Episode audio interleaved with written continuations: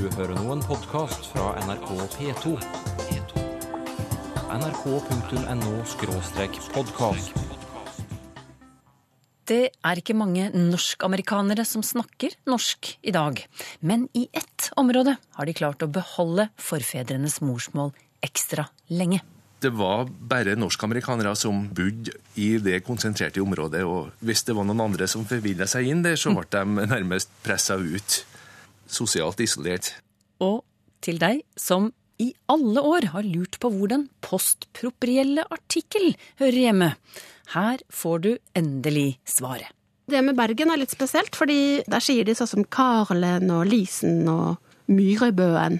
Men bergenserne har mer på samvittigheten. I Bergen så har de jo tradisjonelt kalla stavangerfolk for, for mortepumpere. De norske utvandrerne som dro over til Amerika, de hadde ikke bare med seg reisekister med sine kjæreste eiendeler, men også morsmålet bar de på. Og de fortsatte å bruke det i den nye tilværelsen sin. Ja, eh, det var første tingen som vi visste å snakke, var norsk. Um, Folkene mine, um, de bare snakka norsk. Så det var alt som vi snakka når vi var hjemme. I dag og i neste sending skal vi se nærmere på et av de norsk-amerikanske miljøene. Hva slags vilkår det norske språket hadde der, og hvordan det utviklet seg. Arnstein Gjelde ved Høgskolen i Østfold, du forsker på språket blant etterkommere av norske utvandrere. Det begynner jo å bli ganske lenge siden de første dro over på 1800-tallet. Så hvordan står det til med norsken i USA i dag? Ja, Det norske språket i USA er nok eh, på vei til å forsvinne. Eh, Og det er jo heller ikke så veldig rart. Det er jo snart 200 år siden de første utvandrerne reiste ut, og, og nesten 100 år siden masseutvandringa slutta opp. Så i løpet av den perioden så, så har språket etter hvert eh, forsvunnet. Men samtidig så er det enda en del folk og en del plasser der, der norsk blir snakka, og der vi har muligheten til å, til å oppleve norsk i Amerika. Ja, Ved flere anledninger så har jo du reist over, som det heter, og samlet inn språkprøver både på 90-tallet og nå de siste par årene. Noen få ord nå først om det området du har tatt for deg. Ja, sist eh, 20 åra har jeg særlig sett på et område som kalles for Coon Prairie og, og Coon Valley, eller Coon Valle som de gjerne sjøl kaller det. Og det ligger i, i Wisconsin, i vestre delen av Wisconsin. Og selve Coon Valle det ligner veldig mye på ja, det, det kunne ha vært en del av Norge, da. I hvert fall påstår norskamerikanerne det sjøl. Og det er et jordbruksområde. Det er farmere som, som primært eh, har vært dem som har, har tatt vare på det norske språket og norske tradisjonene borti der. Ja. I 1990 oppga 22% av alle norsk-amerikanerne i dette Coon-området Ja. at de snakket norsk hjemme. Og det er et høyt tall sammenlignet med andre norsk-amerikanske miljøer. Hva kom det av? Ja, det kan en egentlig lure på. Jeg tror det er flere årsaker til at, at norsk var så mye brukt i, i området der. En viktig årsak er at eh, de kom først dit. Og de har det en gjerne kaller for en, en intensiv strategi når de slo seg ned der. Hva betyr det? Det betyr at de konsentrerte seg veldig. Og det var bare norskamerikanere som, som bodde i det konsentrerte området. Og hvis det var noen andre som forvilla seg inn der, så ble de nærmest pressa ut. Du, Hvor kom de fra? Hvor i Norge?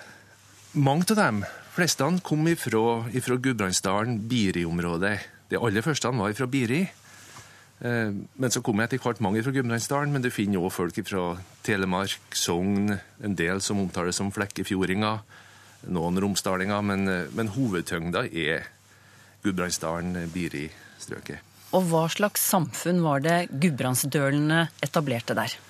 De reiste jo fra et bondesamfunn, og de etablerte jo et, et bondesamfunn. Og der norsk språk eh, var en viktig del av identiteten. Eh, nesten alle der har jo norsk bakgrunn og, og snakker norsk, og, og som sagt, de som ikke snakka norsk, de ble nærmest tvinga til å snakke norsk. Ja, hvorfor det? ja, Hvorfor var det nødvendig? det, tydeligvis så, så var nordmennene de kom så tidlig og kunne nærmest bestemme reglene der. Og folk som ikke glei inn i det norske mønsteret, de ble, de ble pressa ut. og De fikk ikke lov til å bli der. De ble sosialt isolert hvis de ikke glei inn i den norske skal vi kalle det, mainstream-kulturen som ble etablert der. da. Ja. Du, du har eh, et eksempel. eh, Det er en familie med tyske, tysk bakgrunn som eh, prøvde å etablere seg der, og, og som måtte ta hensyn til dette. Hvordan er den historien? Jo da. Einar Haugen, den kjente norsk-amerikanske språkforskeren, han var der tidlig på 1940-tallet og gjorde lydopptak. Og en av informantene han hadde da, var en, en tyskspråklig og norskspråklig tysk-amerikaner, da, som, eh, som har vokst opp med norsk i, i, fra skolen, og som snakka, norsk. Og han påstår jo sjøl at, at han snakka bedre norsk enn tysk. La oss uh, høre på et Dette er jo et gammelt opptak. Eh, Mhm. Når er det fra? Jeg tror det er tatt tid opp i 41, så det er jo så veldig nytt, og det merkes vel kanskje på det rent tekniske. Og... Litt rusk på det, men dette er jo en kuriositet, egentlig. Ja. Eh, vi hører på ham. Da vi begynte å gå på skole, da, så måtte vi lære norsk. Hvorfor var det det at du måtte lære norsk? Vel, eh, vi levde i en norsk settlement, og ungene som gikk på skolen, så kunne de ikke annet norsk. Og da, og da måtte vi lære norsk, ellers så hadde vi ikke kunnet tale med dem. Hva slags dialekt var det tyskamerikaneren snakket her? ja, det var vel noe som hører til den nedre delen av Gudbrandsdalen, selv om det kanskje ikke er lett å, å hjemfesten helt nøyaktig. Men det er jo, det er jo tydelig at den omgåttes med folk ifra, ifra den nedre delen av Gudbrandsdalen. Ja. Men Hva slags posisjon hadde gudbrandsdalsdialekten i dette kun-området? Den var veldig dominerende. Og det er jo fortellinger om folk som kom med en annen bakgrunn, som ble nærmest eh, De var nødt til å legge om til Gudbrandsdøl for, for å gjøre seg forstått. Ja, Hva slags historier er det? Det, blant annet opptakene til Haugen her finner vi også folk fra Romsdalen som, som da forteller at det var fryktelig vanskelig å snakke romsdalsdialekt. Skulle de bli forstått og, og klare seg i området der, så måtte de begynne å, å knote gudbrandsdøla. Og det var ikke så lett. Og det, det samme gjelder jo òg i nærheten av Kuhn-området, hen, da, så, så var det også et sogningssettlement. Altså folk fra Sogn? Folk fra Sogn, Ja. Og de snakka jo sogning, og Gudbrandsdala snakka døl, men de snakka aldri norsk seg imellom, for de skjønte ikke hverandre. Og det er jo typisk for norskamerikanerne at, at de er veldig følsomme for andre dialekter. De, de skjønner stort sett sin egen dialekt, og det som bryter med det, blir, blir vanskelig å forstå. Og da blir engelsk gjerne brukt. da. Så gudbrandsdøler og sogninger, de snakket engelsk sammen? Ja, de gjorde det. Fordi at de forsto ikke hverandre, påsto de da. Kirken har jo gjerne stått sentralt i de norsk-amerikanske miljøene. På hvilken måte bidro Kirken til å bevare det norske språket blant eh, utvandrerne som slo seg ned i Kuhn-området? Jeg tror kirka var veldig viktig for å, å være med på å holde språket. Det ene var jo at, at den var med og ga norsk legitimitet. I tillegg så drev de jo norskopplæring. Ja. Så at det var, i forbindelse med konfirmasjonsforberedelsen, så var det jo mange som ble konfirmert på norsk. I hvert fall fram til krigen. Og da ble det jo drevet norsk skole, eller sommerskoler, som det gjerne ble kalt. Der da ungene i sommerferien måtte inn og, og få opplæring bl.a. i norsk. Eh, I tillegg så, så var jo norsk språk brukt i kirka altså i rituell sammenheng omtrent fram til, ja, til vårt årtusen. da. Så de har hatt eh, 17. mai-gudstjeneste på norsk omtrent fram til i dag. ja. Og i tillegg, selvsagt, altså, det vi vet er at, at veldig mange av norskamerikanerne gifta seg med andre folk med norsk-amerikansk bakgrunn. Om det var fordi at de var lutheranere, eller om det var fordi de var norskamerikanere, det er vanskelig å vite, men resultatet var jo i hvert fall at norskamerikanere i veldig stor grad gifta seg med andre folk med norsk-amerikansk bakgrunn. Og, og det gjorde jo også lettere at språket kunne bli gitt videre til nye generasjoner. Arnstein Gjelde, nå har du beskrevet et homogent samfunn der nordmenn holdt seg til hverandre, og innflyttere måtte snakke norsk for å bli akseptert. Og da skulle en jo tro at språket ble bevart slik det var da de først slo seg ned der. Hvorfor ble det ikke slik? Det har sammenheng med at, at det norsk-amerikanske språket ikke ble eh, plassert i et, et tomrom. Altså, De går jo fra en norsk virkelighet til en amerikansk virkelighet, og, og det de møter der, er jo det, det amerikanske språket. Og norsk-amerikanske språket har jo på ingen måte levd isolert fra andre språk. Det, det, er jo veldig tydelig når vi hører norsk-amerikanerne snakke, at, at den engelske påvirkninga er, er, veldig sterk. Så det vi kanskje kan si, er at, at norsk-amerikanske språket har endra seg på en litt annen måte enn hva det norske språket i, Amerika, nei, i Norge har gjort. Men likevel så, så er det ikke, ikke et eh, hermetikkglass der vi kan gå og se hvordan språket var for 150 år siden i, i Norge. Det er tydelig at det skjedde store forandringer i norsk-amerikanske språket òg. Og hvordan amerikanorsk utviklet seg, som en egen dialekt eh, nærmest, det forteller Arnstein Gjelde om i neste utgave av Språkteigen.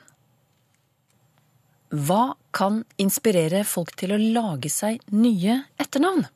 Svein Erik Moe skriver til Språkteigen og forteller at før krigen bodde det en familien Olsen i Fredrikstad. Det spesielle med dem var at de hadde klesrulle. De eneste i sitt strøk som hadde klesrulle. Og alle de andre familiene i området fikk komme og bruke denne klesrullen. Så sønnene i huset gikk derfor etter hvert bare under betegnelsen Rulleguttene, forteller Svein Erik Moe. Og da den ene av sønnene, Henry, ble voksen, ønsket han å ta Rulle som familienavn gjerne litt forfinet, så han søkte om å få godkjent von Rullé som etternavn. Men han fikk verken godkjent von eller apostrofen, så navnet ble til slutt Henry Rule. Følg med nå. Ja, vi har nå et bilde, tror jeg nå skal finnes, av Margot, søstera mi, tror jeg. Da var det noen Johan og Jon Sæterhaugen og, og vi og, og far vår. Dette er et eksempel på noe vi snakket om i forrige utgave av Språkteigen. Den preproprielle artikkel, som a-en i Akari eller n-en i nkal. Mange lyttere har engasjert seg i temaet, både via e-post og på Facebook-siden vår. Derfor ringte jeg Universitetet i Oslo og spurte om du ville komme en gang til, språkforsker Janne Bonde Johannessen. Og det ville du! Takk for det. Du, Bare hyggelig. Mm, til glede for nye lyttere, som det heter. En kort forklaring på hva den preproprielle artikkel er. Ja, Det er altså en artikkel, eh, A eller hun eller eh, hu eller sånt noe, foran jentenavn. Og han eller en eller noe lignende foran guttenavn. Det er altså et pronomen, eller et veldig trykklett pronomen, som står foran et navn eller et navnelignende ord, sånn som mamma eller pappa. Ja, Da har vi det. Og så til en av lytterhenvendelsene. Ståle Ytrestøl i Volda forteller at de bøyer den preproprielle artikkel i hans dialekt. Her er et eksempel. Der kjem han Per i lag med Lars. Der kjem hun Kari i lag med Petra. Han Per, men nå Lars. Og O Kari, men nje Petra, hva har skjedd med artikkelen her? Ja, det er eh, eh, veldig fint at eh, lytteren kom med disse opplysningene, for da fikk vi muligheten til å ta opp et eh, fenomen som da har en direkte innvirkning på den preproprielle artikkelen, nemlig dativ. Mm. Dativ er en kasusform som brukes gjerne på substantiver eller pronomener, og da også preproprielle artikler, siden de er en eh, type pronomener. Det er langt fra alle steder i Norge hvor man har dativ, men det er et belte som går fra Vestlandet og helt til grensen på Østlandet, altså svenskegrensen. I hvert fall så langt nord som eh, til og med Trøndelag, og så eh, et stykke sørover. Og noen flekker, sånn som f.eks. Setesdal, har da dativ. Og det er da altså at de har flere former av substantivene enn de som ikke har dativ. Og da av pronomenene. Så til Trond Granli fra Stange sør for Hamar han skriver at før i tiden hørte han ofte at de eldre byttet om på hannkjønnsartikkelen og hunnkjønnsartikkelen. Så det i stedet for N-Ola og A-Kari ble A-Ola og N-Kari. Hvordan forklarer du det? Ja, det, Ved første øyekast kan man jo tro at eh, noen har byttet om hannkjønn og hunnkjønn. Eh, siden det ble liksom N Kari og A Ola. Men det er ikke akkurat det som skjer. Det er faktisk også dativ her. Og han, eh, lytteren skriver jo at eh, det var de eldre som gjorde dette. Ja, det er fordi at dativ lever et farlig liv, og egentlig et døende liv, kan man si. Det betyr at den, for hver generasjon så er det litt færre som bruker den. Og tydeligvis på det stedet som denne lytteren nevner, Stange, så er det kanskje bare de eldre da, som eh, han husker i hvert fall, som hadde dativ. Og dativens form var da at det som var egentlig hunnkjønnsformen på eh, artikkelen, eh, ble brukt for hannkjønn og omvendt. Rudi Kessel han lurer på om den preproprielle artikkel kan være et importert fenomen, og viser til nederlandsk og tysk. Og hva vil du svare ham? Ja, For det første syns jeg det er veldig fint at eh, han har eh, brakt inn dette med andre språk. Det er jo sånn at eh, norsk er en del av det som heter den indoeuropeiske språkfamilien. Det betyr at det er veldig veldig mange språk som er beslektet med norsk, eh, og ikke minst i Europa. Og nederlandsk og tysk er selvfølgelig veldig gode eksempler på det. Eh, og der har de eh, nemlig en prepropriell artikkel i talespråket. På tysk så sier de jo f.eks. er Hans' og 'de Grete'. Og det samme gjøres også i italienske og spanske dialekter. Og gresk er også et eksempel som har prepropriell artikkel. Men det som jeg må si eh, om disse språkene, er at det, er en artikkel som brukes som prepropriell artikkel. Altså det som ville tilsvart på norsk 'den' eller 'det', da. Og det er faktisk litt annerledes enn disse pronomenene som vi har i den preproprielle artikkelen i norsk. Så det er ikke, det er ikke et eh, innlån? Det er vanskelig å si. Og dessuten så er det så gammelt i norsk. Og det fins så veldig mange steder i Norge at det skal noe til at det har vært lånt inn eh, så sent. Og også at det i tilfelle skulle ha den formen det har, da, hvis det først skulle vært et lån. Mm. Men du, den preproprielle artikkel har, skal vi si, en fetter i Bergen, nemlig den postpropriell artikkel. Ja. Og den er vel en slags importvare? Ja. Det, det, er flere som har eh, påpekt det av lytterne. Og det med Bergen er litt spesielt, fordi i Bergen så har de navneartikkel. Men den er ikke foranstilt, så den er ikke prepropriell. Den er postpropriell, altså den er etterstilt. Ja. ja. Eh, der sier de sånn som Karlen og Lisen og Myrebøen. Eh, ja. En N altså til slutt? En N til slutt. Og det eh, mener man er altså den bestemte artikkelen eh, N. Og der har det vært eh, sagt, blant annet av eh, Arne Torp, har skrevet at antagelig så er det en, en innflytelse fra tysk. Og det er kanskje ikke så rart at bergensområdet har vært veldig påvirket av tysk, ikke sant, med Hansa-tiden. Og i tysk så har de jo en bestemt artikkel som er riktignok foranstilt, men det er bestemt artikkel eh, og ikke pronomen. Eh, og det kan være altså påvirkningen inn i bergensk. At de har ikke, og ikke bruker den Carl, eh, som ville vært et alternativ, men de sier altså Carlen. Men jeg må nesten nevne at det er en annen hypotese også når det gjelder PR-en og Karien. Mm. og det er en, som, en annen lingvist i Bergen som heter Agnete Nesse. Og hun eh, har sagt at eh, det har eh, heller sammenheng med de tyske yrkestitlene som kom inn i Bergen på Hansa-tiden. Sånn at man f.eks. har kupper, eller kupa, som det sikkert heter på tysk. Men altså kupper, som da betyr tønnemaker. Og at når noen het Johan Kupper, og så ble omtalt som Kupperen, så var det egentlig bare tønnemakeren man mente, men så var det noen som oppfattet kanskje Kupper som et navn istedenfor en yrkestittel, og så eh, utviklet det seg den veien, da. Men denne postproprielle artikkelen, er den et rent bergensfenomen? Nei da, den fins eh, hovedsakelig i Bergen, men den eh, fins også i eh, noe av omegnen eh, rundt Bergen, og også litt sørover, eh, faktisk inn i Rogaland. Og da vil den av og til også ha hunnkjønnsform for hunnkjønnsnavn, da. Sånn at f.eks. der hvor de i Bergen sier Karien, så sier de Kario. Der hvor de har hunnkjønnsform på den.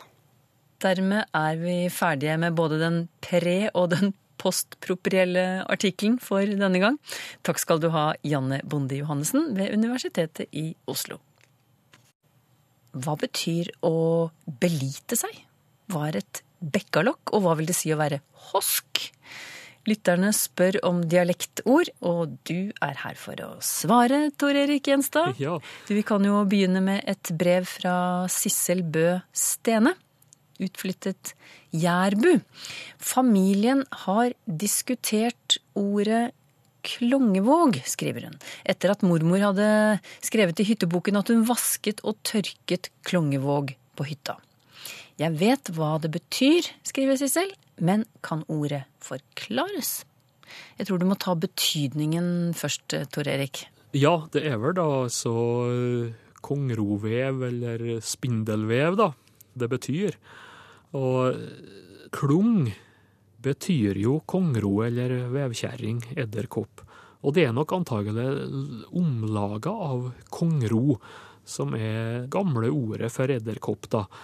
Det heter jo enten kongro eller kongle eller klung, da, som er mer lokalt. Klungevåg, det har oss da belagt, ser ut ifra Norsk ordbok, i dalene, på Jæren og i Ryfylke. Så det er et sørvestlig ord her.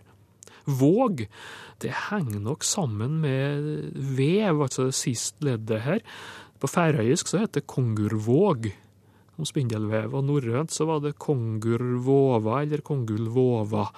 Så det henger sammen med vev, men det har blitt til våg, altså. Det spinnet. Vi tar en henvendelse til. På Twitter etterlyser Toril Matre opprinnelsen til det bergenske uttrykket å belite seg. Hva sier du om det ordet? Ja, det er visst helt lokalt for Bergen, i alle fall ifølge det materialet som vi har eh, tilgang til. Og det betyr vel da, så vidt jeg har forstått, å, å nøye seg med, finne seg i, ta til takke med, si seg tilfreds med, greie seg med. Og du har jo da Opprinnelsen i utgangspunktet må jo være å, å lite seg med, eller å lite seg med. Eh, Det har funnes mange plasser, bl.a. i Hordaland, med de her betydningene, altså å nøye seg med, greie seg med. Og så er det vel da komme på et sånn tysk prefiks B, da, så det blir belite, etter mønster av eh, andre tilsvarende ord, eh, beskrive, befinne seg og så videre. Og tysk påvirkning har jo vært spesielt sterk i Bergen fra Hansa-tida, vet oss. Nok et spørsmål fra Bergen. Eivind Elseth vil vite hvorfor bergenserne kaller kumlokk for bekkalokk. Ja, bekkalokk, ja. Det betydde jo også i eldre bergensk så betydde det jo brønnlokk. Og det er vel der du har nøkkelen, tror jeg, for bekk. Det kan bety brønn. Så det har vel vært ei utvikling her. altså Det, det vanlige betydninga av bekk, det er jo eh, et lite vassfar, mindre enn ei elv. Det var jo slik i norrønt. Og så hadde det kommet til å bety et oppkomme eller ei kilde. Og derifra da til, til brønn. Enten den er naturlig eller eh, menneskeskapt, da. Eh, Og det er registrert, den betydninga, annet fra Bergen, eh, fra Sogn og Fjordane, fra Sunnmøre og ikke minst fra Trøndelag. Så i tradisjonell trøndersk så er det jo slik at altså, bekk om brønn, det var så vanlig at eh, skulle de omtale en alminnelig bekk, så måtte, det bli, måtte de si Rinnarbekk. I motsetning til da bekk som, de, som var brønn, da.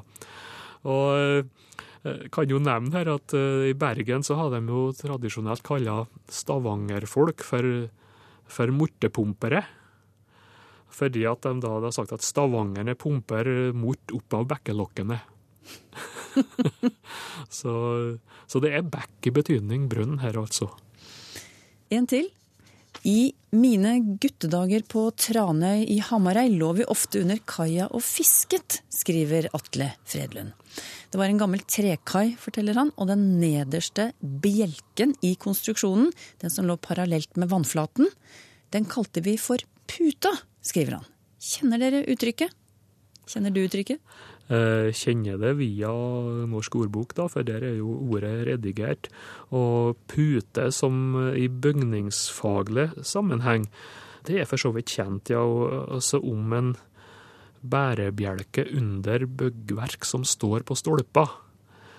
Og det ser ut for at det er ganske typisk nordnorsk, og, og sammensetning som kaipute, det har oss vel fra mange plasser i Nord-Norge. Ja, da vet vi det. Og Atle Fredlund han forteller videre at ofte svømte fisken bare dovent rundt agnet, men enkelte ganger var den skikkelig på hugget, eller hosk, som de sa. Atle Fredlund har ikke funnet noen andre som kjenner til dette uttrykket, men kan du Tor Erik si noe om opphavet til ordet hosk? Jeg vet ikke om jeg kan si så mye om opphavet, men det betyr jo da glupsk og grådig. Og med det materialet jeg har tilgang på, så har oss det jo nettopp ifra Hamarøy da, og fra Lofoten. Så det ser ut for å være ganske lokalt. Og så har du en variant, Hosken, som betyr det samme, som finnes noen flere plasser i, i Nordland. da.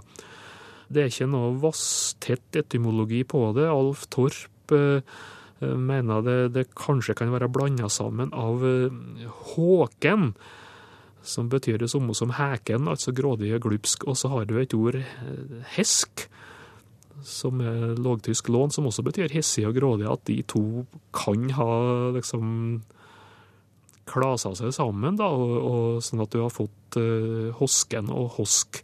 Men den er jo høgst usikker, akkurat den. Men det er et temmelig lokalt ord uh, for deler av Nordland. I neste utgave av Språkteigen prøver vi bl.a. å finne ut hvorfor substantivene har kjønn. Jo, grammatikk det er jo egentlig en måte å dele inn verden på, å kategorisere verden. Så i det som kalles urgermansk, som er opphavet til veldig mange europeiske språk, der hadde man behov for å skjele mellom det som var levende, og det som var ikke levende. Og da var det slik at det som ikke var levende, det hadde intet kjønn. Og alt det andre, da, det hadde kjønn for det levende. Språkteigen om en uke.